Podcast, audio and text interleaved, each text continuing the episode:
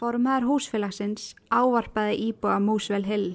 Það þurfti að gera eitthvað rótækt vegna pípulagningana. En íbúðunar höfðu stiplast hver af annari og ekki var þetta styrta niður eða láta renna heitt eða kalt vatn. Já, verið velkomin á þennan fund. Ég sem formaður húsfélagsins vil byrja á að ræða þetta þráláta vandamál sem við höfum öll orðið fyrir síðustu vikuna. En það virðist sem svo að pípulagninnar í húsinu séu í miklu ólægi. Þráttur það að þeim hafi verið skipt út í hittifera eins og þau vitið. En þá var einmitt viðgerðin fjármögnuð úr okkar eigin sjóð og ég get allavega sagt að þessi beilun hefur valdið mér persónulega miklum óþægendum og ég veit að ég tala fyrir ykkur öll. Ég vil því leggja til að við söpnum undirskriftum og skrifum einnig harðort bref til eiganda byggingarinnar og förum bara fram á viðgerð á pípalögnunum eins og skot, okkur að kostnaða lausu. Er ykkurt ykkar sem vil taka það að sér að skrifa brefið? Dennis réttur upp hönd. Þakkaði fyrir það Dennis. Uh, við skulum þá sapna undirskriftum hér í kvöld og hafa með brefinu sem færi þá í posti í fyrramálið, er það ekki? Þanga til verðum við að hjálpa stað en það eru enþá tvær íbúður í húsinu þar sem hægt er að stursta niður klósettu vatninu og ein íbúð þar sem enþá er bæði heitt og kallt vatn. Eru eigendur samþykki því að aðstóða heina íbúðan á meðan þetta er lagað? Ég, ég veit það nú ekki. Ég er sjálf með mikla hæðatræðu og, og mikið á klósitinu. Ef ég svar ekki dyrra bjöllunni þá er lítið sem að ég get gert til aðstóða. Já, allt er góðu fröken. Þá kannski fá þeir sem að þurfa að fara á klósitið yfir til þín, John? Já, já, ekkert mál. Engin hæðatræða á þessum bænum. En þá segjum við þessum fundi slitið og vonum að húsegandi fái mennimálið sem allra fyrst. Íbúar Músvelhill í London höfðu að þessum fundi lifað við ansi skert lífskeiði, en pípulagninnar í hverju íbúðina fætur annari hrundu. Fólk gæti ekki styrta niður, ekki láti renna heitni kallt vatn og skelveli lykt gaus upp úr öllum niðurföllum. Eftir að einn íbúana, Dennis Nielsen, tók að sér að skrifa harðort bref til eiganda íbúana var fenginn pípulagningamestari í málið, sem mætti á staðinn og skoðaði aðstæður. Hann opnaði þungalokið yfir fráfalli húsins og á mótunum gaus upp hrigaleg lykt. En hann lísti lyktin eins og af rótnandi kjöti. Píparinn prílaði ofan í niðurfallsopið til að skoða betur hvað væri að valda þessari gríðalegu stiblu. Þegar hann lísti með vasaljósinu varð honum skindilega óglatt. Hvaða viðbjóður var eiginlega aðna niðri? Hann skóplaði örlittlega á ógeðinu sem var að stibla í fötu og fór með aftur upp á yfirborðið til að skoða betur. Í dagspyrtunni sá hann hvað það var. Íbúanir sem stóðu í kringum hann bökkuðu í burtu í sjokki. Sumir hlupu í næsta runna til að æla. Það sem var að stibla frárænslið var ekki mold eða drulla, heldur líkamsleifar. Rottnandi húðfleksur, bein og hár. Lyktinn sem gaus upp úr niðurföllunum heimilana var af dauðanum sjálfum.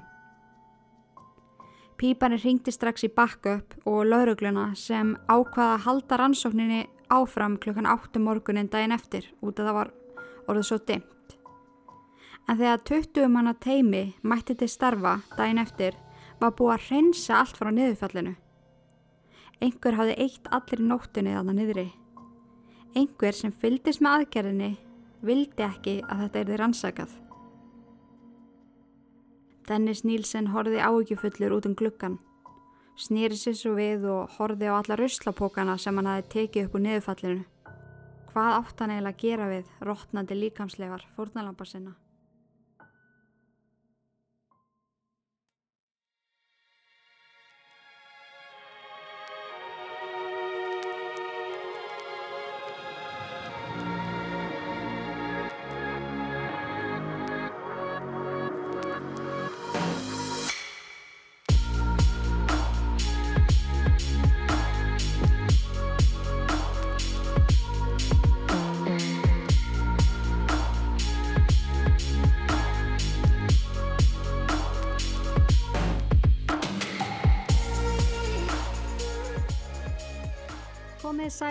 Hjartanlega velkomin.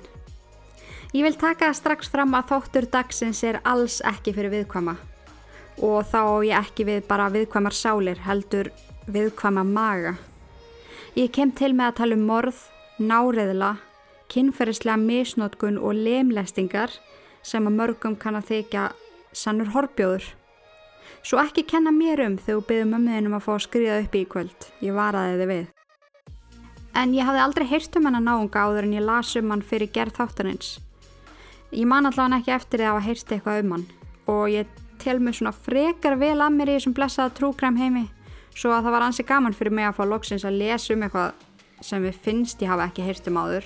En það er til mjög mikið af efni um hann Dennis Nielsen sem var breskur fjöldamorðingi og oft kallaður The Kindly Killer eða Góðimorðingin sem eru orð sem að passa einhvern veginn mjög illa saman. En já, já.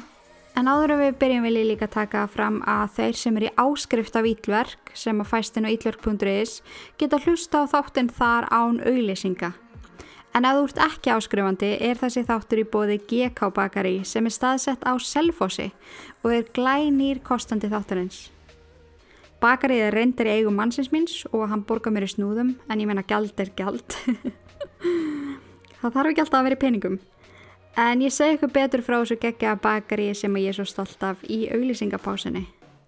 En ok, let's go, mínir kæru masokistar. Spenni beltin, bróti saman sokka að gefi hænunum. Við skulum læra meira um þennan fársjúka mann sem að Dennis var. Ég heiti Inga Kristjáns og þú ert að hlusta á Ílverk. Dennis Nílsen eða Góði morðingin. Gjör þau svo vel.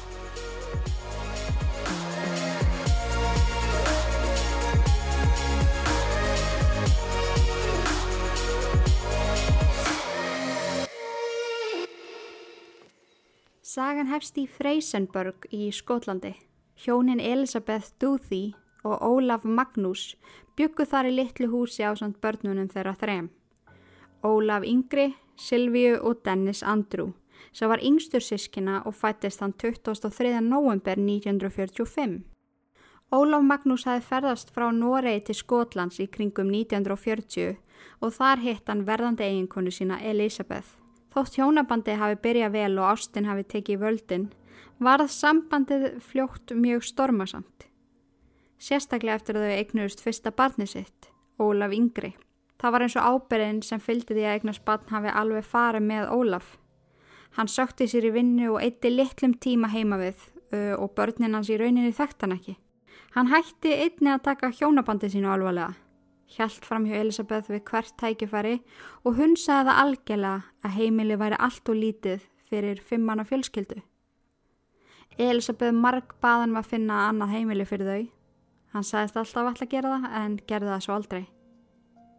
Í kringum 1945 þegar Dennis fættist fór Elisabeth að efa stórlega um hjónabandið. Hún sagði vinkonu sínum og móður að hún hafi öruglega bara drefið sig of mikið í þetta hjónaband. Hún hafi annað út í það án þess að hugsa og taldi fyrir bestu að þau færu sikkur á leiðina. Fóreldrar Elisabeth sem að hafðu aldrei verið neitt sérstaklega sáttu tengdasón sinn opnuðu arma sína fyrir Elisabeth og barnabörnunum og flutt hún inn til þeirra í lok ársins 1945. Ólaf Magnús fór sína eigin leið og eignaði svo setna meir aðra fjölskyldu og var aldrei inn í lífi barna sinna úr fyrra hjónabandi. En svo við ræðum aðeins um Dennis Nílsen og hvernig hann var sem krakki, þá var hann alltaf ótrúlega þögull og hlétrægur, en elskaði samt alltaf að leika sig við aðra krakka. Hans fyrstu skýru minningar úr barnæsku voru lautaferðin með sískinu sínum, mömmu, af og ömmu og langir göngutúrar í skóginum. Dennis var einstaklega náinn afa sínum sem bar hann oft á hestpaki og veitt honum alltaf aðtegli og ást. Dennis segi setna meira að hann hafi gengið honum í föðustað, verið hetjan hann svo vendari. Hann hafi kent honum svo ótrúlega margt og verið honum svo góður. Þegar afans fór að vinna, en hann var sérst að vinna á fiskiskipi, þá saknaði hann hans ótrúlega mikið og hlakkaði alltaf gríðalega til að fá hann aftur heim. En afans var í rauninni hans allra besti vinur. Það tók gríðalega á Dennis þegar Avans fekk hjartáfall og lést skindilega, aðeins 62 ára gamall. Hann hafði aldrei upplifað að missa ástvinn og skildi ekki alveg hvernig dauðin virkaði. Mamman sem var gerðslega eðilagði yfir að missa föðu sinn var einhvern veginn ekki í standi til að útskýra það fyrir honum. svo ungi drengurinn var skilin eftir í lausu lofti. Áður en Afi Dennis var laðið til kvílu var haldinn kistulagning á heimilin hans. Kistan var lögðun og eldúsborðið og fólk hatt gengið þar umkring og hvatti hinsta sinn. Móðið Dennis gekk til hans hágrátandi og spurði hvort hann vildi ekki hveði afa. Dennis segi setna meir að þessi minning hafi setið í honum að eilifu. Hann hafi ekki skilið hvað var í gangi og þegar að mammans lift honum upp að kistunni hafi hún sagt að af hans væri sofandi og hann væri núna á betri stað. Seks ára gamli Dennis gerði bara ráð fyrir því að hann væri sofandi og myndi koma aftur þegar hann væri búin að heimsækja góðastæðin. Það brauti honum hjartað kvöld eftir kvöld þegar hann satt út í glukka þar sem hann hefði vanalega beði eftir afa sínum og hann kom aldrei. Dennis dróð sig mjög mikið hlið eftir fráfall afa síns. Hann kaus frekar að setja einnir að höfn og horfa bátana í stað þess að leika við vini sína.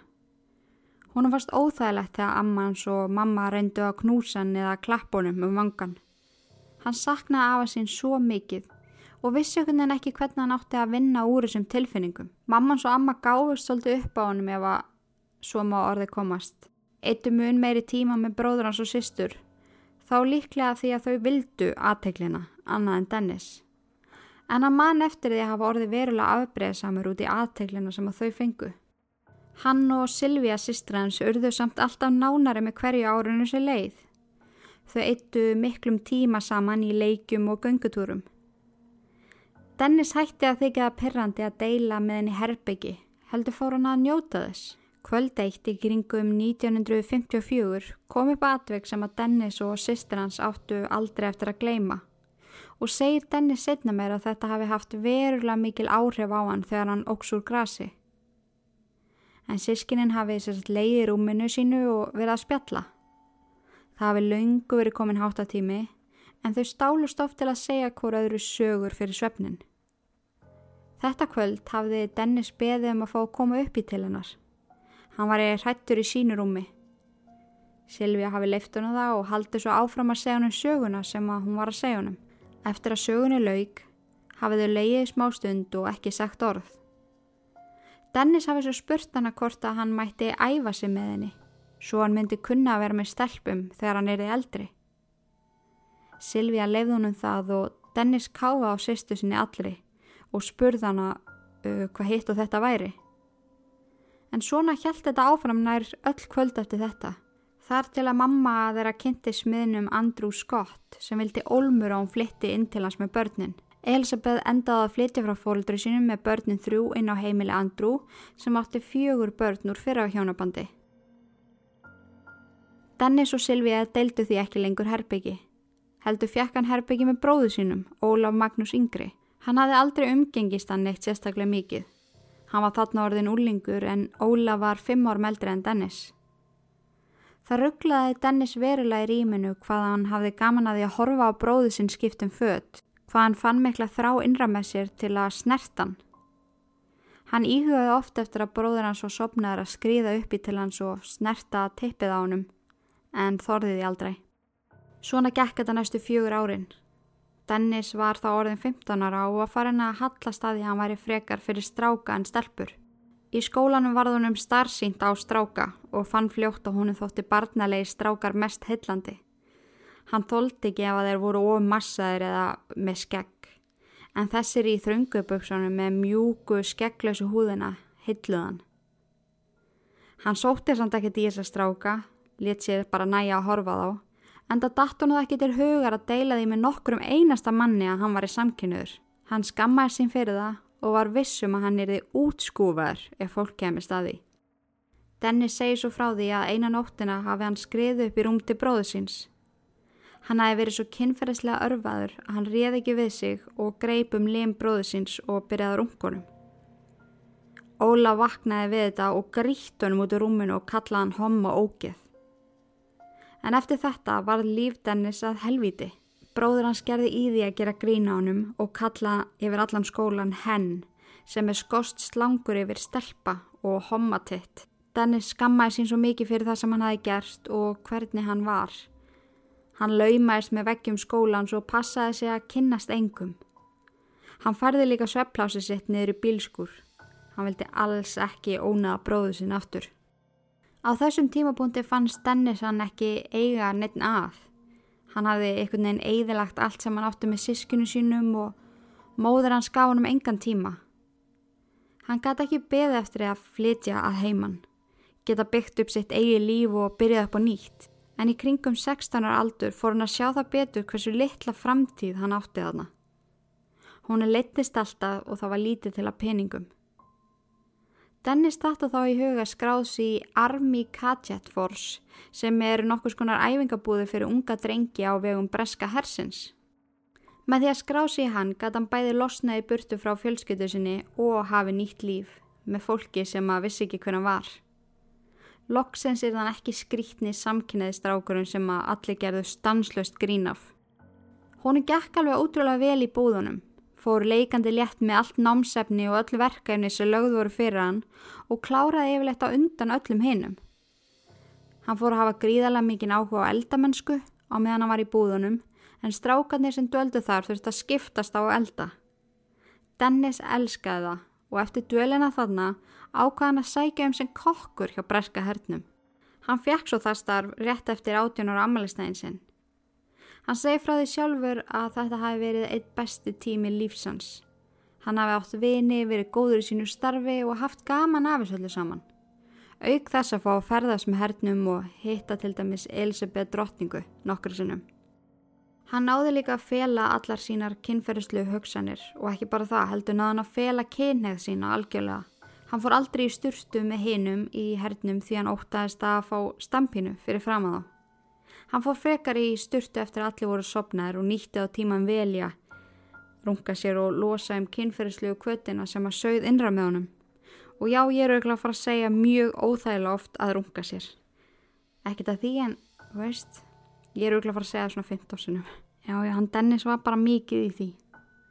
En í júni 1964 náði Dennis kokkaprófunu með hæðstu engun og var færður um set í The Royal Fusilies í Þískalandi þar sem hann starfaði sem engakokkur fyrir sangkvæmi. Það fór því að gerast æg oftar að hann hitti nýjan hópa fólki á hverju kvöldi. Hann sem var gríðalega feiminn tók upp á því að fá sér alltaf áður hann að mætti á vakt. Aðeins til að mikið taugarnar til að geta spjalla við alla. Þeir sem unnu með honum kalluði hann alltaf duglega drikkjumannin og gáttu þeir líka alltaf treyst á það að Dennis kemi með þeim á pöpparöld eftir vakt. Í eitt skipti kom það fyrir að Dennis og félagi hans hrundu í það saman. Þeir myndu ekkert eftir kvöldunu en Dennis vaknaði við hliðin á vinni sínum sem hafi greinlega komið með honum heim og sopnaði upp í rúmi hjá honum. Hann var nokkuð vissum að ekkert kynferðislegt hefði gæst þeirra á milli en þegar hann horfið á mannin sem láfi hliðin á honum, gata hann ekki annað en fylst af gerund. Hann leti dreyma um að sofa hjá manni sem að leiði honum algjörlega að taka stjórnina. Sá draumur færiðist svo fljótt yfir í það að hann þráði að sofa hjá manni sem væri meðvindundalauðs eða dáinn. Hann var líka svolítið að vinna með það að þeikjast vera drikkjudauður þegar hann var með vinnum sínum í þeirri vonum að einhver þar að myndi misnótan sem að gerðist aldrei. Eftir að hafa verið í tvö ár kokkur í Þískalandi var hann farðið til Noregs en þar fekk hann stort verkefni sem kokkur í Alman Súra fangelsinu. Í Noregi lenda hann í atviki sem leta hann óttast svo mikið um lífsitt að hann varð aldrei samur eftir það. En þegar hann var á gangi heim úr vinnunni stoppaði leigubíl við hliðin á honum. Bílstjórin böð honum far fyrir lítið gjald og Dennis sló til.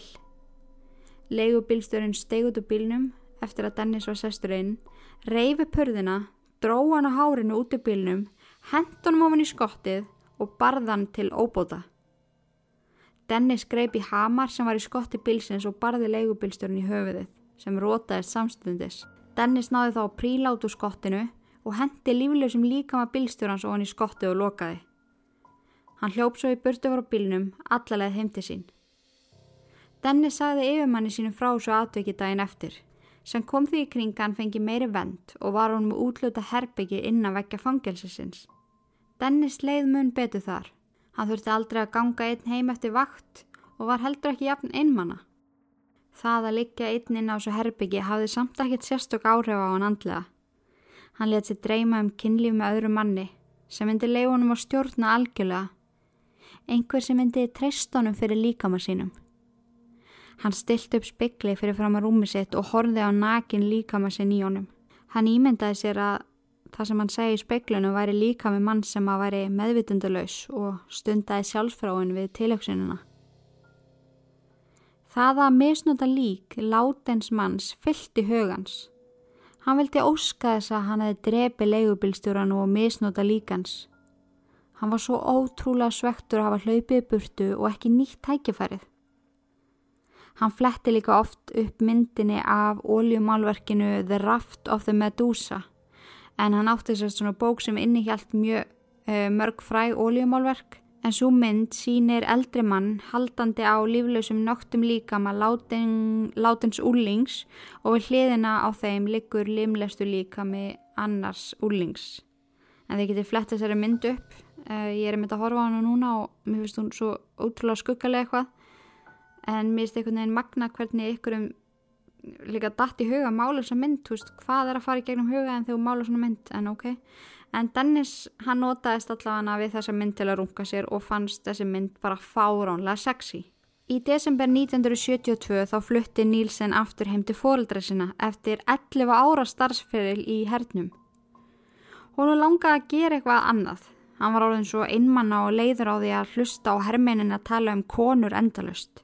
Hann hafði rétt áður en hann flutti aftur heim orðið við áskorum frá félaga sínum í hernum um að sofi á vendiskonu. Hann hafði tekið þessar áskorun og segið sjálfur frá því að sofa hjá konu sé bæði niðurdrepandi, leiðilegt og overrated. Vokku ég man ekki hvernig íslenska orðið yfir overrated. Of, of, hælt, nei. Ofmetið, ofmetið. Hann saði að vera ofmetið að sofa hjá konu. En mammans hafði mitt orðaði þegar hann kom heim hvernig finnst ótrúlegt að hans er svona flottur ungu maður væri ekki komið konu. En nú þráði að sjá hann gifta sig og eigna spörn og heimili og, og þetta var bara mjög algengt umræðiðefni í öllum matabóðum og fjölskylduhittingum. En þegar Ólaf Magnús, eldri bróðu Dennis, kom einu sinni heimsótt með eiginkonu sína, hófust samræði við eldursporðið um að hann erið að hjálpa bróðu sínum að finna konu. Óla Magnús glottir og spyr mömmu sinna hvort hún hafi eitthvað tíman hugsa út í það að Dennis væri hommi. Hún snöggrættist. Auðvitað er hann ekkit hommi, hvaða vittlisa er í þér? Eftir kvöldmatinn sest fjölskyttan fyrir fram á sjóarpið og fyrir tilvilun er mynd í sjóarpinu um samkynnið. Óla Magnús fyrir að tala illa um samkynniða að þetta sé illa undarlegt fólk og það sé ekki til í heiminu sem heitir að vera samkynniður annað hvort ertu bara með konu eða ekki. Og þetta sé bara eitthvað della sem að fólk er að ímynda sér. Denni sem að hafði einhvern veginn aldrei skipt skapi snýr sér að bróðu sínum og tekur upp hanskan fyrir homo og lesbjur og reynir að koma bróðu sínum í skilningum að það sé ekki hægt að breyta því hvernig maður fæðist. Allir eiga rétt á því að vera eins og þeir vilja og vera með þeim sem þeir vilja vera með. Ólaf lítur þá á mammu sín og spyr, trúur mér núna? Hann reyndi að runga mér þegar vorum yngri mamma. Þú getur hægt að láta þið dreymum að Dennis eignist fjölskyldu og börn. Hann er hommi, sættuði við það. Dennis varð rauður í framann úr reyði og réðst á bróðu sinn og þeir slást harkalega á stofagólfinu. Eftir þetta kvöld talaði hann aldrei við bróðu sinn aftur. Hann flutti fljótlega út frá mömmu sinni og einu samskiptin sem hann hafði við hana var í gegnum örfa á bref. En þetta tiltakna kvöld fekk hann algjörlega nóaða möllum. Í janúar 1973 flutti Dennis til London og sótti um í laurugluskóla fyrir Metropolitan laurugluna. Hann komst inn og byrjaði námið tveim vikum eftir hann sótti um. Dennis fóð fljótlega að líða mjög óþægilega innan um alla hina laurugluþjónana. Honu fannst hann einhvern veginn alltaf minni og auðmæri en þeir og kunni nulla meta karlrembu brandarana sem fóru fram á kaffistofunni. Kanski vegna þess hversu lokaður og fáorða hann var, þá var hann aldrei bóði með neitt í veist, í neina svona staffahittinga eða hátægismata eða eitthvað þannig. Og mér líður einhvern veginn svona að ég er búin að vera ímynda með hvernig þessi gæi var. Og ég geti einhvern veginn ímynda með að hann hafi verið mjög sérvituð sérvitur og ekkert endilega gefið mikið færi á sér. Og þess vegna hafi fólk verið pínu bara ok, þú veist, þú heyri bara í okkur eða þú vilt vera með okkur, af því að ég veit ekki, en hvað veit maður? Hann allavega endaði nær öll kvöldur alltandi um gödunar í leita pöppum til að tilla sér á drakk sér öflandi fullan og fór heim rétt áður hann átt að mæta til vinnudaginn eftir. En eitt kvöldið á pöparöldi rakst hann á pöpp sem var staðsettu fyrir aftan maturverslun sem hann hafði oft séð áður. En pöppnum hafði hann aldrei tekið eftir. Hann gekk að hannum og í dyrunum tók á mótunum ansi kvennilegu maður í uppháum leðurstígvelum, leður stuttböksum og neongrænum netaból. Maðurinn var mjög kurteis og opnaði fyrir honum og sagði Here you go sweetie. Dennis gekk inn og fann það fljóta að fötin hans voru ekki alveg að passa við stemminguna að nynni. Það voru menn í kjólum, leðubuksum, þröngum, flaujilisbuksum, netabólum eða berir ofan. Menn að kissast, spjalla og dansa. Dennis gekk hann inn í fyrsta sinnin á hommabar. Hann fann hjarta berjast um í brjóstið sér ánægu. Gekk raklega þessa barnum og pantaði sér drikk. Nú var hann sko heimavelli. En áður við höldum áfram með sögu Dennis skulum við heyra nokkur orð frá styrtaræðila þáttarins.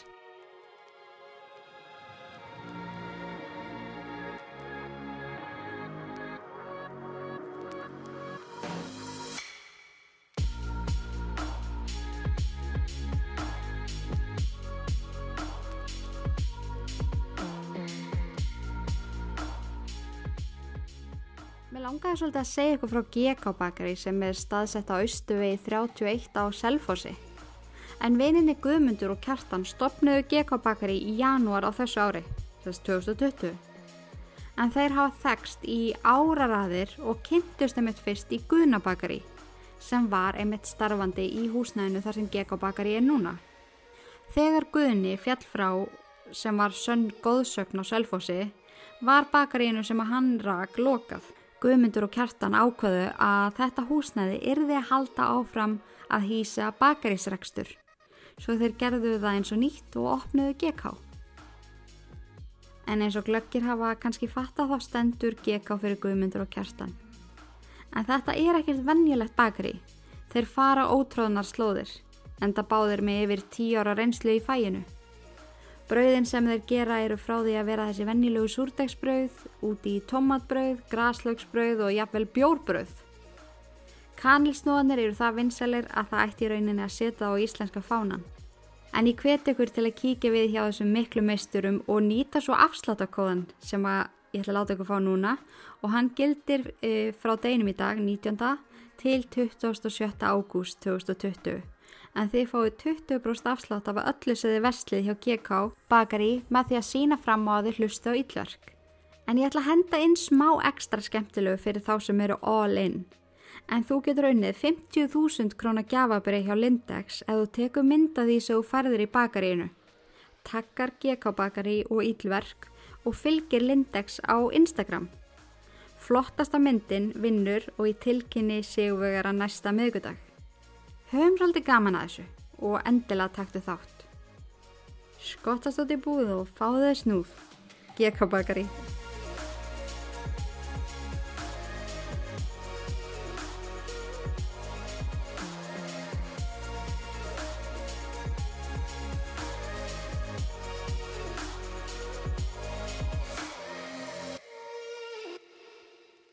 Halló, velkomin tilbaka mín kæru mannsbörn. En áður við tókum pásu var ég að segja ykkur frá því að Dennis gekk í fyrsta sinn inn á hommaklub. En hann fór í nokkur skipti heima mönnum, hann auðast en fann það fljótt að það tók mikið á þegar þeir þurftu svo að fara. Hann einhvern veginn meikaði ekki þurfa að kveðja þá, hann vildi hafa þá alltaf hjá sér. Í nóvember 1975 kynntist Dennis verðandi sambilismanni sínum, David Gilligan, en hann bjargaði hann úr slagsmálum fyrir utan hommaklubin. Dennis dró David úr slagsmálunum og fór með hann heim og hjúkra honum. Bauð honum svo að drikki og eldaði fyrir hann. Þeir endu á því að drekka og spjalla allt kvöldið og gistu svo saman. Þegar Dennis vaknaði dæin eftir, horða hann á David og brosti. Þetta var fallegasti maður sem hann hafi nokkuð tíman séð. Þeir áttu strax svo vel saman og kynlífið var geggjað. Þegar David vaknaði svo loksins, láði þeir saman langt fram á hátegi og spjölluðu saman. Kottahjalið endaði með þeirri niðurstöðu að þeir ætlaði að flytja inn saman og fá sér hund. Nokkrun dögum setna funduður sér íbúð. 195 Melrose Avenue, staðsetta í Cricklewood. Hún var stór og björst og hófst parið handa við að innrétta heimilið og gera það að sínu.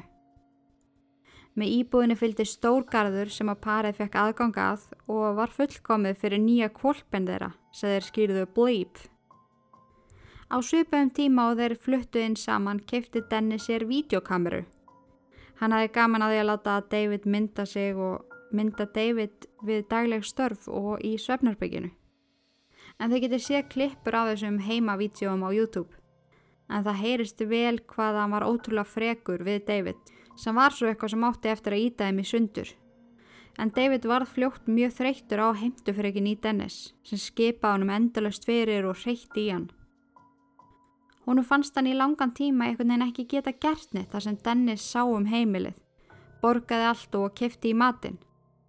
Þess vegna leta hann ímislegt yfir sig ganga, en rúmum tveim árum eftir að þið fluttu inn saman, rak Dennis hann út eftir mjög harkalegt reyfrildi. Dennis sá alveg gríðarlega eftir því að hend David út og saknaði hans óendala mikið. Hann reyndi hvað eftir annað að kynast öðru manni, en þau sambönd endust bara í nokkra daga. Hann lokaði sér algjörlega frá umheiminum. Það eina sem hann gerði var að sinna hundinum og vinnunni. En á kvöldin drakk hans í hel og hlusta á tónlist. En líf hans átti bara eftir að versna og gjörðin hans í kjölfarið. Þann 30. desember 1978 satt Dennis á barnum Krikkulvút arm. Hann satt bara einn og södraði bjóru og starði á barborðið. Í því kemur ungur drengur askvæðandinn á barinn. Sest nála Dennis og panta sér drikk. Barþjóðni neytur honum því að hann er greinilega ekki með aldur til þess að drekka. 14 ára gamli Stephen Holmes fussar og sveigir yfir ræðilegri þjónustu. Hvað getur maður ekki fengið bjóra á þessu skítaskeri? Dennis sem hafi þarna verið að drekka nær allan daginn og var virkilega fullur, gengur upp á Stephen og hilsar, panta bjóra barnum og réttir honum. Þeir spjalla heil lengi. Dennis getur varla að haldi fókus því hann var dálætur af fegur Stephen sem var 100% hans týpa. Barnalegur, grannur, ekkert skegg með fallett brós. Þegar barnu var lokað uh, bauð Dennissonum að koma með sér heim. Þar getur fengið sér eitthvað að borða og haldi svo áfram að drekka. Stephen tyggur bóðið og félagarnir stöylast heim til Dennis. Báðir röflandi fullir. Dennis bauð Stephen sætin í stofu og setti sína eftirlætis plötu á fónin. Rétti stráknus og rom og þeir sporðrendu hverjum driknum á fætur öðrum. Dennis tókaði svo Stephen upp úr sófunum og þeir fóru saman inn í söfnherbyggi. Stephen let sig detta í rúmið og dó mjög fljótlega áfengistöða. Dennis sem hafði aðeins meira þól náði að afklæða sjálfa sig og Stephen og lagðist svo í hlifiðin á honum og hjælt þjætt utanum hann. Dennis vaknaði undan Stephen morgunin eftir. Hann starði á hann. Hann var svo fallegur og friðsell. Dennis passaði sig að reyfa sér ekki hrætt til að vekin ekki. Hann gæti ekki hugsað sér að Stephen vaknaði, panikaði og myndi fara frá honum. Ef að Dennis ætti eina ósk myndi hann óska þess að Stephen myndi liggja þarna friðsellað eilífu. Það fóru af stað dimmar hugsanir í huga Dennis. Þráin um að hafa eitthvað látin við hliðin á sér sem hann gætt kúra með og misnotað var eitthvað sem hann hafi dreymt um í mörg ár. Og var þetta í rauninni fullkomi tækifæri? Hann ákvað þarna að Stephen væri ekki að fara neitt. Hann var nú einu svoni gamlástagur. Hann tegði sér í bindi sem lág á gólfinu fyrir neðan rúmið. Smegðiði utanum hálf Stephen og þrengdi eins fast og hann gat. Fyrst dreytti Stephen á móti en var greinlega mjög veikburða eftir drikkjuna svo hann var mjög fljótur að líða út af. Áður en Dennis kláraði verkið með að drekkjónum í skúringafötu rungaði hann sér tvisar yfir líflöst lík Stephen. Þetta var eitt af kynþokkafylsta sem hann hafi nokkuð tíman séð. Til að losa sig við lík Stephen spenti Dennis upp gólfið á svefnarbygginu sínu og kom líkinu þar fyrir. Líki átti eftir að liggja þar í átta mánuði þar til að lyktin varð óbærileg. Þá sótti Dennis líkið og brendið út í gardi. En svona orðaði hann þetta sjálfur. Kót. Ég kom honum fyrir í nýja rúminu sínu sem satt undir gólfinu. Viku setna fór ég að spá í því hvort að líkans hefði breyst eitthvað. Hvort það væri kannski byrjað að rótna. Ég dró hann aftur upp og hann var mjög skítur en ennþá mjög fallegur. Ég ákvaða að baða hann Ég fór úr öllum fötunum og hjælt á hann minn á baðherbyggi. Þar skólaði ég hann og sjálfa mig. Húðin var skanna hvít og falleg og limir hans voru miklu lausar en þeir hafðu verið fyrst. Svo kletti hann í ný nærföt og sokka og, og fekk svo fullnægingu yfir fallega líkamann hans. Hann fekk svo að kvíla sig aftur undir gólfinu. En ég brendi svo líkans á báli þegar líktin var orðin vandamál. Þetta saði hann sjálfur í yfirherslum setna mér. En eftir þetta var ekki aftur snúið fyrir Dennis. Hann gati einhvern veginn ekki hægt að hugsa um hversu ótrúlega fullkomið þetta hefði verið og hversu mikið hann þráði að gera þetta aftur. Sem að reyndi þann 11. oktober 1979. Þá hitt hann ungan námsmann frá Hong Kong sem hitt Andrew Ho og hann þurfti ekki að hafa mikið fyrir því að fá hann með sér heim. Það var mjög mikil kynferðsli spenna á milliðir á eftir að hann kvíslaði eirans hversu mikið hann vildan Þá röldu þeir heim saman.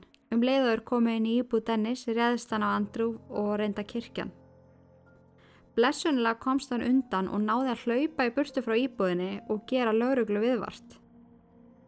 Dennis var handtekinn og yfirheyrður eftir það, en á endanum þá var ekki gert neitt í þessu þar sem að Andrew hætti við að kæra hann og málið fjall bara um sjálf sig, sem að gaf Dennis frelsið til að halda áfram. Tvei mánuðum eftir að Andrew Ho rétt slapp lifandi frá okkar manni eða þann 3. september 1979 kynntist Dennis hinn um 23 ára gamla Kenneth Ockenden en hann hafi verið að ferðast sérst frá Kanada til London til að heimsækja fjölskyttumæðlimi. Þeir kynntust á barnum West End og eftir að Dennis hafi e, sérst, heyrst að hann var í túristi þá bauðst hann til þess að sína hann um borgina og ferðust vinindir um London með strætisvagni og skoðuðu helstu kennileiti borgarinnar. Þeir enduðu svo daginn heima á Dennis þar sem hann eldaði kvöldmatt handaða nýja félaganum. Bauðunum svo upp á viski, rom og bjór og síndunum plötusafni sitt. Þegar uppáhaldslag Dennis byrjaði, saðan við kennið að hann yrði að hlusta lægi með heyrðnatólum. Þá myndi hann heyra betri öllum smáadreðinum sem gerði lægið fullkomið. Kenneth settist í hægindastól við hliðin á plötuspillarunum, setti á sig heyrnatólinn, hallaði sér aftur í stólnum, lokaði augunum og brosti létt. Það eina sem fór í gegnum huga Dennis var hvað hann meikaði ekki að þessi indislegi maður myndi yfirgefan. En Kenneth átti flug til Kanada daginn eftir. Hann þráði að hafa hann hjá sér áfram. Án þess að hugsa þá gekk hann upp að Kenneth, kifti í snúruna sem lágur heyrnatólunum og vafði henni utan um hálsun á hann. Kenneth streyttist á móti með öllu afli, en Dennis spyndi með öðrum fætinum í bak hægindastólsins til að ná meira afli. Þegar Kenneth hætti loksins að reyfa sig, dró Dennis hann inn í svefnherbyggi. Fór svo aftur fram, heldi romglögg í glas, settist í hægindastólinn og setti á sig heyrnatólinn og hlusta á restina læginu sem að Kenneth hafi haft í eironum á meðan hann dó. En þess að nótt svaf Dennis með lík Kenneth þjætt upp við sig strauk því og talaði við á meðan hann sopnaði. Dæin eftir klættan líkið úr fötunum, baðaði það og púðraði við mesta marið sem var láð þvert yfir hálsin. Hann stilti líki Kenneth svo upp í alls konar stellingar og tók myndir að því á Polaroid-myndavælina sína. Hann losaði svo um kynferðislega kvati sínar yfir líkið áður en hann pakkaði inn í plassboka og kom því fyrir undir gólfinu. Næstu tvær vikunar sótt hann líkið yfir tíu sinnum til að baða það, sofa með því, stilla því við mataborðið eða í hægindastólnum og spjalla við það. En þegar lyktin var farin að vera vandamál, brendan líkið á báli út í gardi. Næsta fórnalam Dennis var hinn 16 ára gamli Martin Duffy. Þeir hittust hann 17. mæ 1980 hjá lestastöðinni nálat heimili Dennis. Hann tók eftir stráknum hálf lúpulugum sitjand á bekk. Hann gekk til þess og spurði hvað hva væri í laðunum og á hvaða ferðalega hann væri. Martin sá hann að hann hefði strókið heimann. Fóreldra hann sagði ekki hugmyndum hvað hann væri og núna væri hann búið með allan peningin sem hann hafi verið með og vissi ekki alveg hvað hann átt að gera. Dennis spurði hann hvort hann vildi ekki bara koma með sér heim. Hann byrði bjóðunum eitthvað gott að borða og hann geti lagt sig og bara kvilt sig hans heima á honum. Síðan geti Dennis hjálpa honum að finna út úr hvað væri best að gera. Martin var þvílið þakklátur og þáði bóðuð. Dennis eldaði fyrir strákin egg og beikon, gaf hennu rom og bjóð svo um hann í rúminu sínu. En Martin var greinlega mjög þreyttur því strax eftir matinn bauð hann góða nótt. Dennis bjóst nú við að þeir myndu spjalla aðeins og drekka saman og var að freka svektur yfir því að Martin myndi fara nær alls skáður að sofa. Það myndi gera verkið mun erfiðara. Þegar Martin var farin að hrjóta inn í herbyggið, laumaðist Dennis inn. Það var niða myrkur en hann sá móta fyrir unglu og andliti drengsinn sem var svo friðsælt. Hann stökk klófið á hann á brjóskassa Martin og hjælt höndunum hans niðri með njánum. Smegði bindi utan um hálsinans og tókaði eins fast og hann gatt. Hann dröslaði svo líflegsum líkama Martin inn í eldús, fylgti vaskin á vatni og hjælt höfðinu á hann um undir vatninu. Þar til hann var vissum að Martin væri dáin. Hann kom svo líflösu líkinu fyrir við eldúsborðið, eldaði sér egg og beikon og spjallaði við líkið á meðan hann borðaði og bara var, já, var að spjallum daginn og veginn. Hann kisti það, strauk því, nuttaði það og hagaði sér bara eins og þetta væri ástmaður hans. Eftir viku af þessu kom hann líkinu fyrir undir gólfinu. Eftir morðið á Martin fór Dennis að drepa örar. Í lók 1980 hafði hann drepið fimm menn til viðbótar og komið þeim öllum fyrir undir gólfinu. Og þegar ég segi undir gólfinu þá spennt hann upp parkettið og undir því var svona crawl space. En í heldinni voru tíu fokkin lík undir gólfinu, það er ógeðslegt. En síðan brendan líkin í tveim pörtum, fyrst fjögur og síðan sex. En hann gerði það ekki nærriði strax. En þarna í kringum 1980 voru tíu lík undir gólfinu og lyktin var orðin viðbjóður. Pöttur og maðkar og mikla og skriðu um öll golf og maður getur rétt ímyndað sér hvernig ástandi var undir golfinu og ymaður. En hann segi líka frá því setnum mér að hann hafi reglulega hent læmbörk ofan á líkin til þess að reyna að kæfa lyktina. Og stundum hann farið niður og kíkt á líkin og þá eru maðkar skrýðandi út um augunum á þeim og líkamannið þaktir pöttum. Hann spreyði svo flugnaðidri tviðsvara dag um alla íbúðuna og að niður í kellara eða hústanna undir gólfinu til að halda myndirum í skefjum.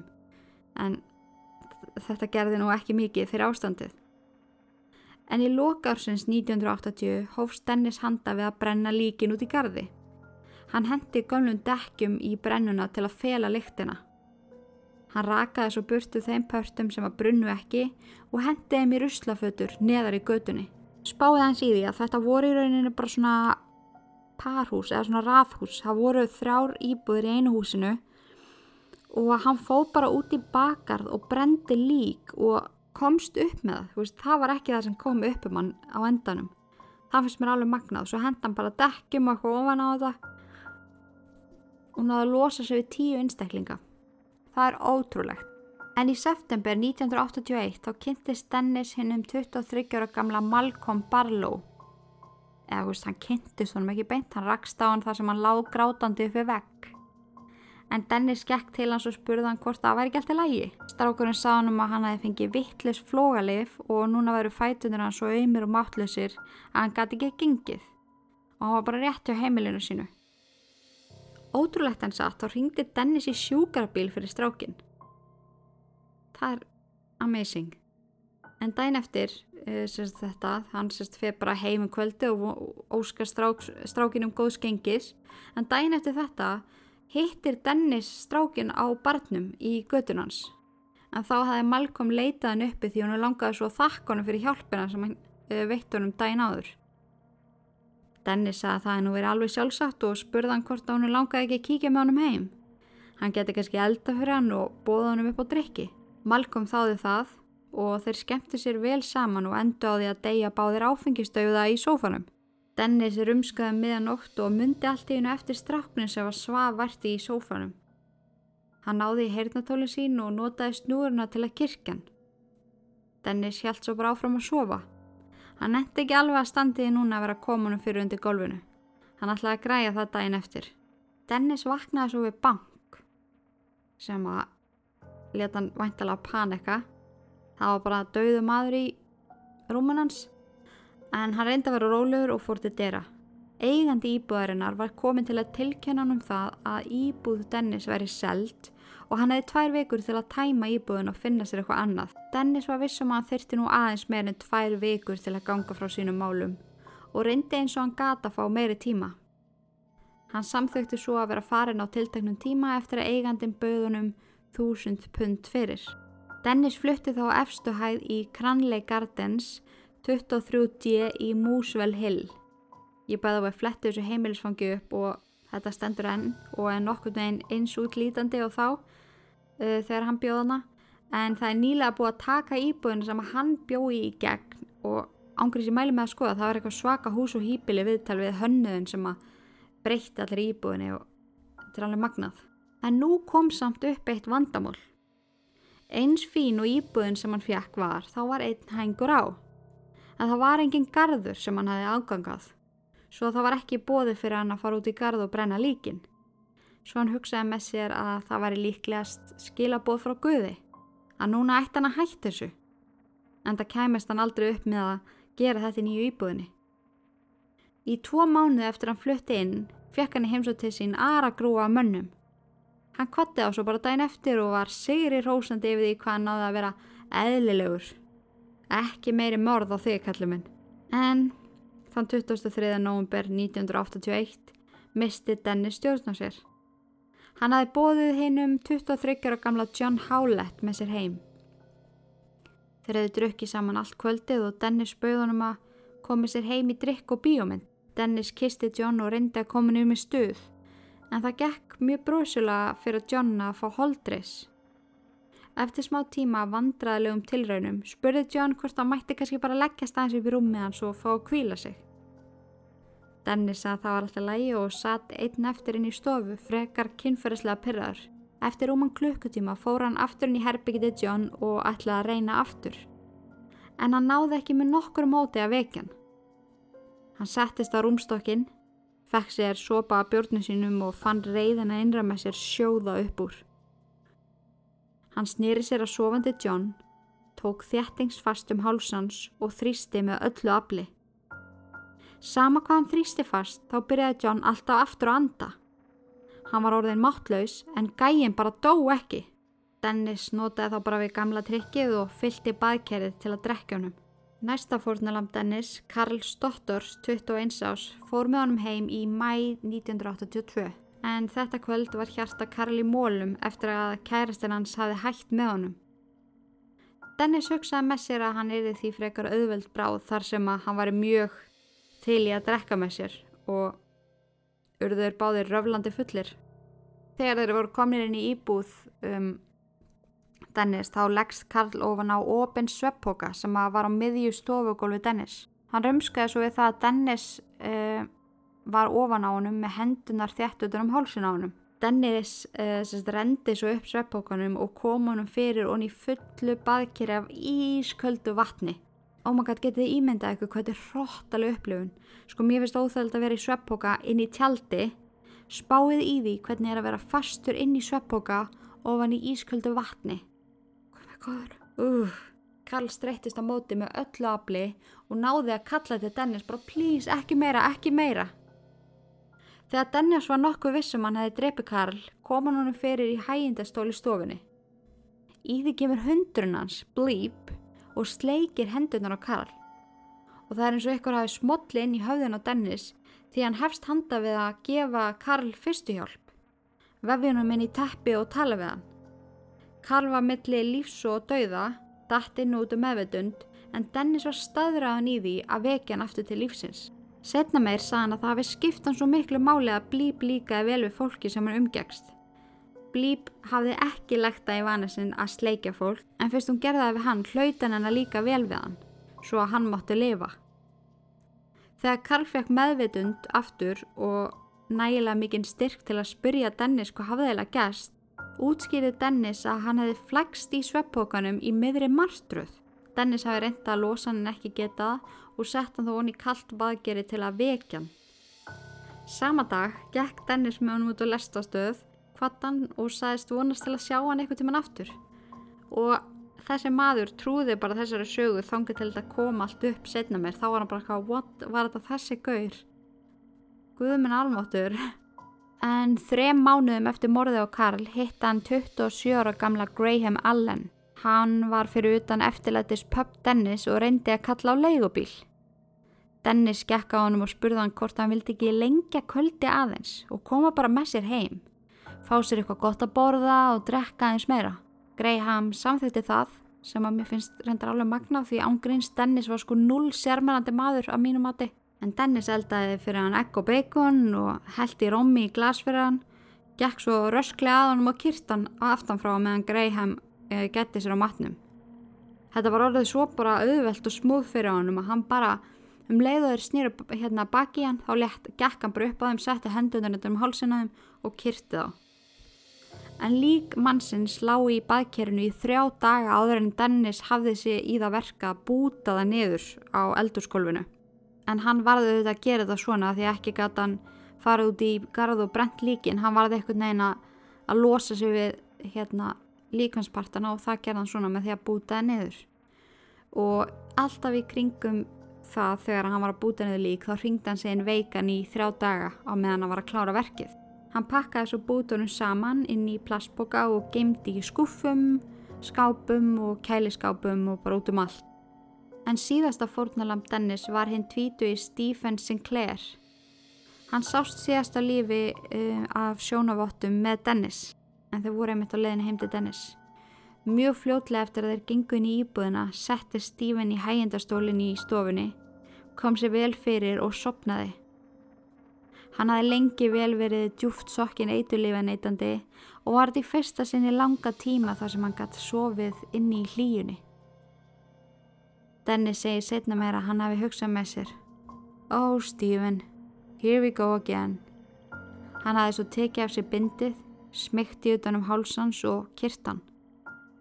Eftir að verkinu var lokið tók Dennis eftir sárabindum á úliðum Stephen. Þegar hann tók bindina af sá hann djúb á skurði þvert yfir púlsinn. En vesalingstrengurinn hafði reynd að taka sitt eigi líf. Dennis leti renna í heitt freyðubað fyrir Stephen, rakaði líkamshárans og sápaði allt saman. Síðan púðraði hann líkans með talkumpúðri, klætt hann í hrein fötu og lagði hann upp í rúm. Því næst sótti Dennis alla spekla sem hann átt að heimili sínu og raðaði þeim í kringum rúmið. Klætti sig svo úr öllum fötunum og lagðist nakin við hliði líksins. Hann horfið svo í speklana og dáðist af þessari sjón. Fyrir honum var þetta fullkomið. Hann kisti enni Stífin og strauk honum um vangan og sagði Góða nótt Stífin, það getur aldrei neitt gert er eitthvað illt aftur. Dennis kurði sér svo þjætt upp að líki Stífin og svaf þannig alla nóttina. En nú þurfti Dennis að fara að gera eitthvað alveglega í þessum líkamspörtum sem voru út um allt hús. Allir skápar, skúfur, krukkur og kassar voru fullir af plastpökum sem inniheldu eitthvað skonar líkamsparta. Hann hugsaði með sér hvað, hvað væri best að gera. Veist, hann gæti ekki fara með þetta út úr íbúðinni, það væri ofgrunsalegt. Hann gæti ekki borða líkið því að hann hafði enga líst á því. Uh, hann gæti ekki falið þetta undir gólfinu því að það var steipa beint undir parkatinu og hann gæti ekki falið líkin hús neinstar sem hún er dætt í hug.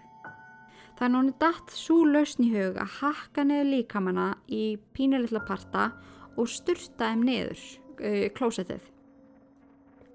Hann vissi að það myndi taka útrúlega langan tíma en þetta var örugasta leiðin. Síðan myndi hann sjóða höfuðinn og hendunar og fætunar til að losa skinnið af og bróta svo öll bein með kjötamri. En að losa sig við þessi þrjú lík sem hann hefði sapnað þarna tók hann um þrjár vikur. Hann þurfti náttúrulega að passa sig að styrta ekki of oft niður því að það væri svo grunnselegt þannig að hann gaf sér alltaf 30 mínútur á milli uh, niður styrtana. þannig að já, hann var kannski bara að taka inniblinn já, þið, you get the point, þetta er ógeðslegt. En síðan komuðu upp að allt frárennslið frá íbúðinni stíplaðist eins og kom fram í byrjun þáttar og það var haldin húsfundur og það var ákveð að Dennis myndi skrifa bref til eiganda íbúðana. Hann meiri sér að bauðst til að skrifa brefið og það er alveg góð spurning af hverju hann gerði það, Úst, mögulega til að líti ekki grunnsela út eða kannski vissan þetta væri búið spil hjá hann. Það kom svo þarna pípulagningamistari og skoðaði gangmála, bæði að utan og innan og þegar hann reyndi að komast inn í íbúð Dennis var honum neitað, neitað um aðgang. En Dennis sagði að það bara stæði frekar ítla á og á ég að segja ykkur af hverju það stóð ítla á. Nei, bara því að hann var að saga neður líka á eldurskólfinu og var ekki alveg búin að klára þetta. Þannig að Maðurinn gæti ekki komið inn til hans standaðinn en það var í raunin bara tímaspursmál hvenar það kæmist í ljós hvað var raunverulega í gangi. En sá sem kom fyrst á spórið var Michael Gattran, starfsmæður hjá pípulagninga fyrirtækinu Dino Rod. Hann tók fyrst eftir þessu skrítna sulli á botni fráfalsins, eitthvað sem líktist húðfleksum og líkamslefum. En það var orðið svo dimt þegar laurugla mætt á svæði að það var ákveð að fresta frekari rannsók til klukkan 8 daginn eftir. En áður en hópurinn yfirgaf svæðið uh, kallaði Dennis til yfir lauruglustjórans og spurði hvað er eða í gangi þótt að hann vissi alveg full vel hvað var í gangi. Lauruglustjórun sá hann að það liti allt út verið það að ykkur hafi verið að losa sig við líkansparta með því að sturta þeim niður klósettið. Og Dennis svarar, hmm, það er nú skrítið. Há lítur þetta lítið svolítið út eins og KFC. En þetta var mjög undarlegt komment og ef hann var að reyna að lúka eðlilegur með því að segja þetta þá virkaði það ekkert sérstaklega vel hjá honum en daginn eftir þegar hópurinn mætti aftur til starfa bráðum heldur betur að sjá að einhver hafi algjörlega hreinsað fráreinslið. En Dennis hafi verið að allanóttina og mókað jökkinu í póka og geimt í skápum og skúfum inni hjá sér. En það fundur samt nokkri partar eftir frekari leit sem að Dennis hafi yfirsjast.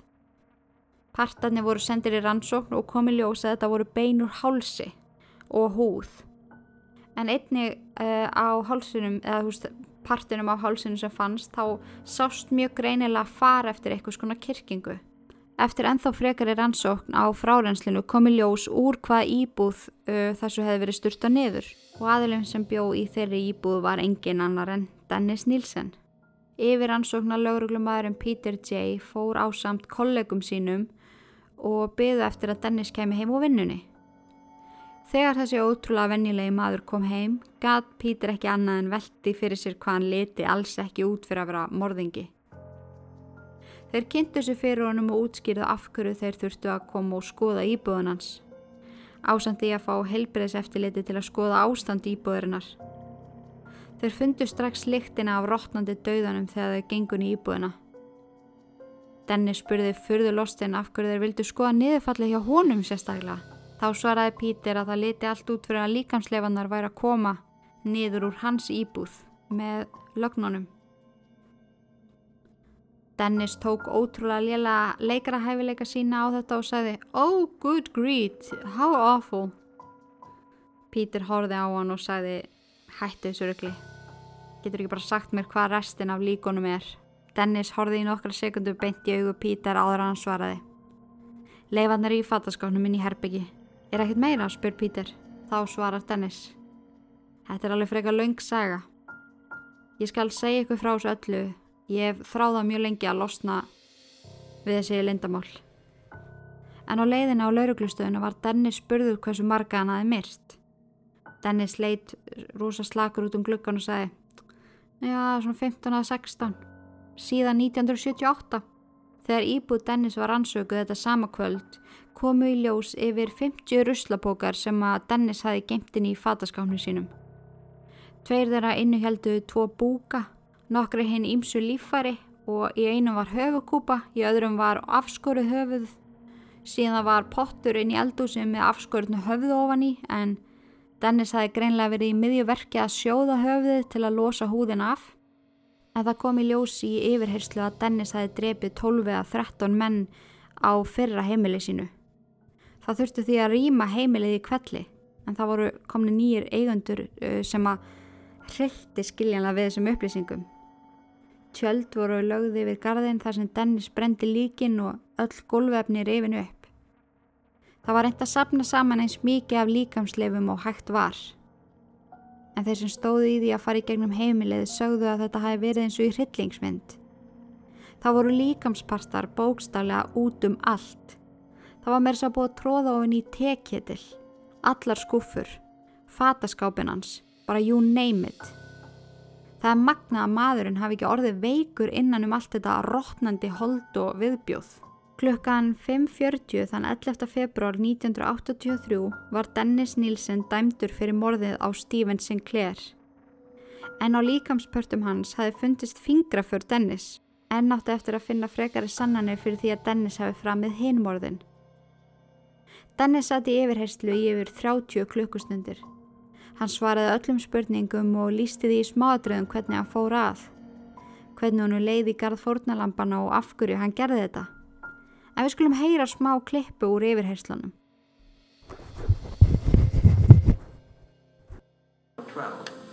15 or 16. When I was at the back of the police car heading to the police station at the moment of my arrest, they asked me how many there were, and I didn't really know. I just gave them a figure. And because uh, I was cooperating with the police, I decided to stick with it. You know. There were three, three of those victims were invented just to complement the, the continuity of evidence of the police, because uh, to keep them happy. Under the floorboards began to accumulate. That uh, come the summer, it got hot, and I knew it would be a smell problem. Yes. But uh, I thought, well, I'm going to have to deal with the smell problem.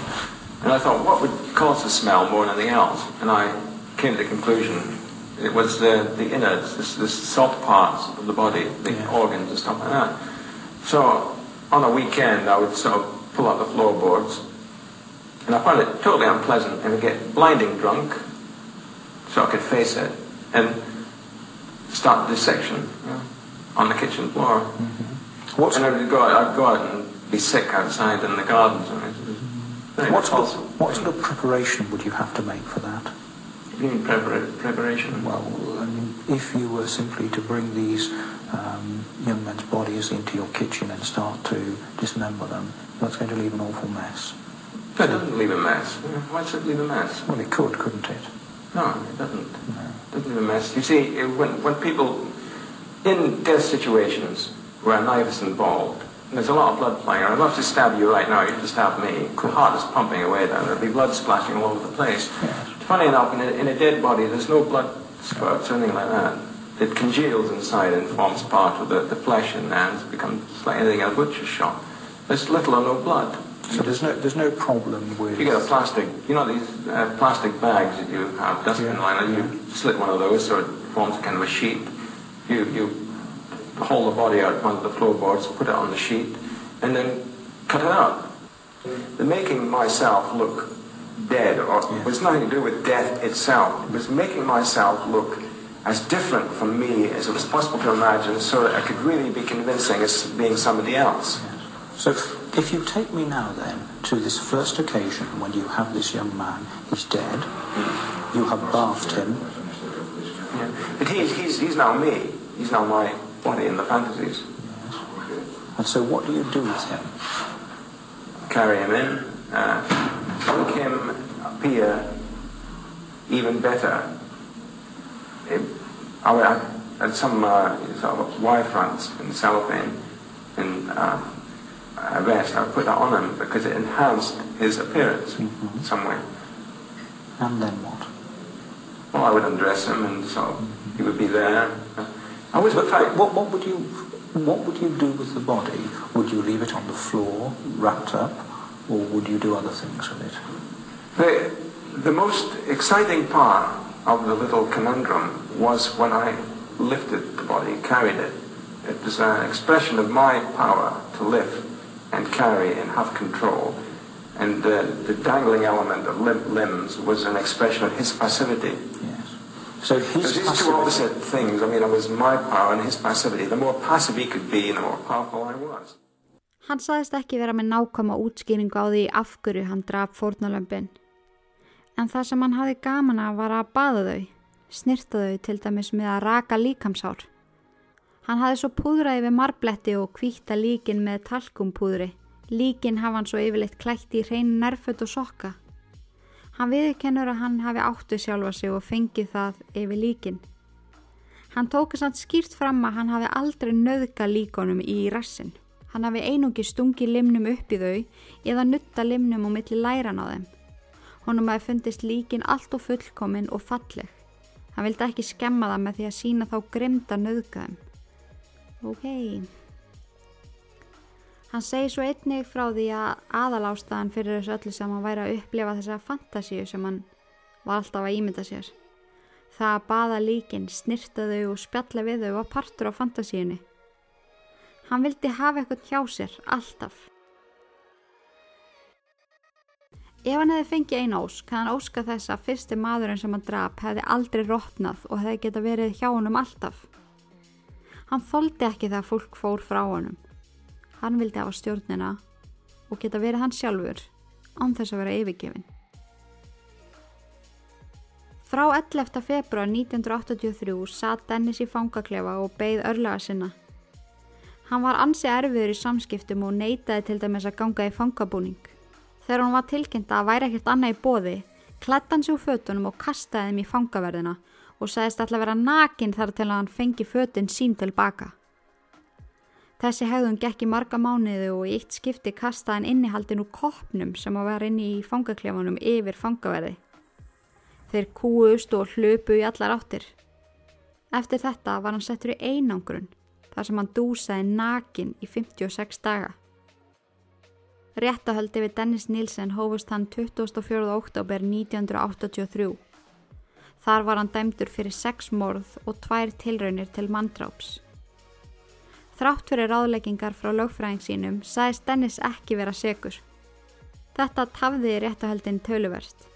Að þá þurfti líka taka inn í dæmið að Dennis hafi verið grindum í geðklofa og andfélagslega hegðun sem er vakti upp þær spurningar hvort hann væri nægilega heill til að ganga í gegnum réttahöldin. En maðurinn hafi unni fullt af freka góðum störfum, herin, kokkanám og hafi starfa líka í því lengi. Hann hafi verið öryggisvörður, lauruglamaður og í öllum þessum störfum hafi honum verið treyst, honum hafi gengið vel og hann hafi fengið stöðahækkun. Og ef hann gæti sindinu vinnum þá hlaut hann að geta vita munin á réttu og raungu. Á endan var ákveða að Dennis væri alveg nógu heill í hausnum til að svara fyrir sig fyrir það sem hann hefði gerst og það tóka eins 30, uh, 30 mínútu fyrir kviðdóm að ákveða hvað myndi verða fyrir honum. Dennis var dæmtur í fangelsi til lífstíðar með engan möguleika á reynslulaust. Hann dúsaði fangelsi þar til 10. mæ 2018 en þá var hann fluttu með sjúkrabíl á York sjúkrásið eftir hann hafi kvartað undan sárum magaverk en það kom svo í ljós að það hafði rofnað slagæð í kviðarhóli og myndast þessi stóri blóðgúlpur sem olli skrýðalegum sársöka. Læknar náðu að koma í veg fyrir frekar í skada en þá myndaðist bara blóðtappi í hjartans eftir aðgerna en Dennis stó 12. mæ 2018. Eru þið líka á þeim stað að sömi partar í þessari sögu var, voru bara of mikið? Þetta er ekkit eðlilega gróð þáttur en áhugaverður. En þetta var mál Dennis Nielsen, The Kindly Killer. E, eftir að ég byrjaði að researcha þáttinn þá tók ég eftir að það er alveg búið að benda mér ofta á þetta mál frá ykkur. Ég var einhvern veginn bara búin að gleyma því og húst, þegar, húst, allan tíman sem ég var að researcha þetta það voru bara úúú, that's new, I haven't seen this before. Þannig að þetta var, þetta var áhugavert. The Kindly Killer. Mér fannst það nú bara alls ekkert kind sko. Ég fann að vísu til með honum oft eh, í gegnum þannig söguþráð en yfirleitt ekki samt. En áður á hættum þá longaði mig að minna ykkur á íllverk.is en þar getið þið skoðað áhugaverð blogg frá snildar pislahöfundunum sem að vinna með mér ásamt því að geta skráð ykkur í áskrift. Þannig ef að þú ert íllverk sjúk eða sjúkur og eitt þáttur í viku er ekki nóg þá getið þið tryggt ykkur 5 auka þætt í mánuði fyrir aðeins 990 krónur. Wey! En þá gæti næst, takk fyrir að hlusta, takk fyrir að vera til og í guðanabænum forðist öll ítverk. Nefna þetta podcast. Verið sæl.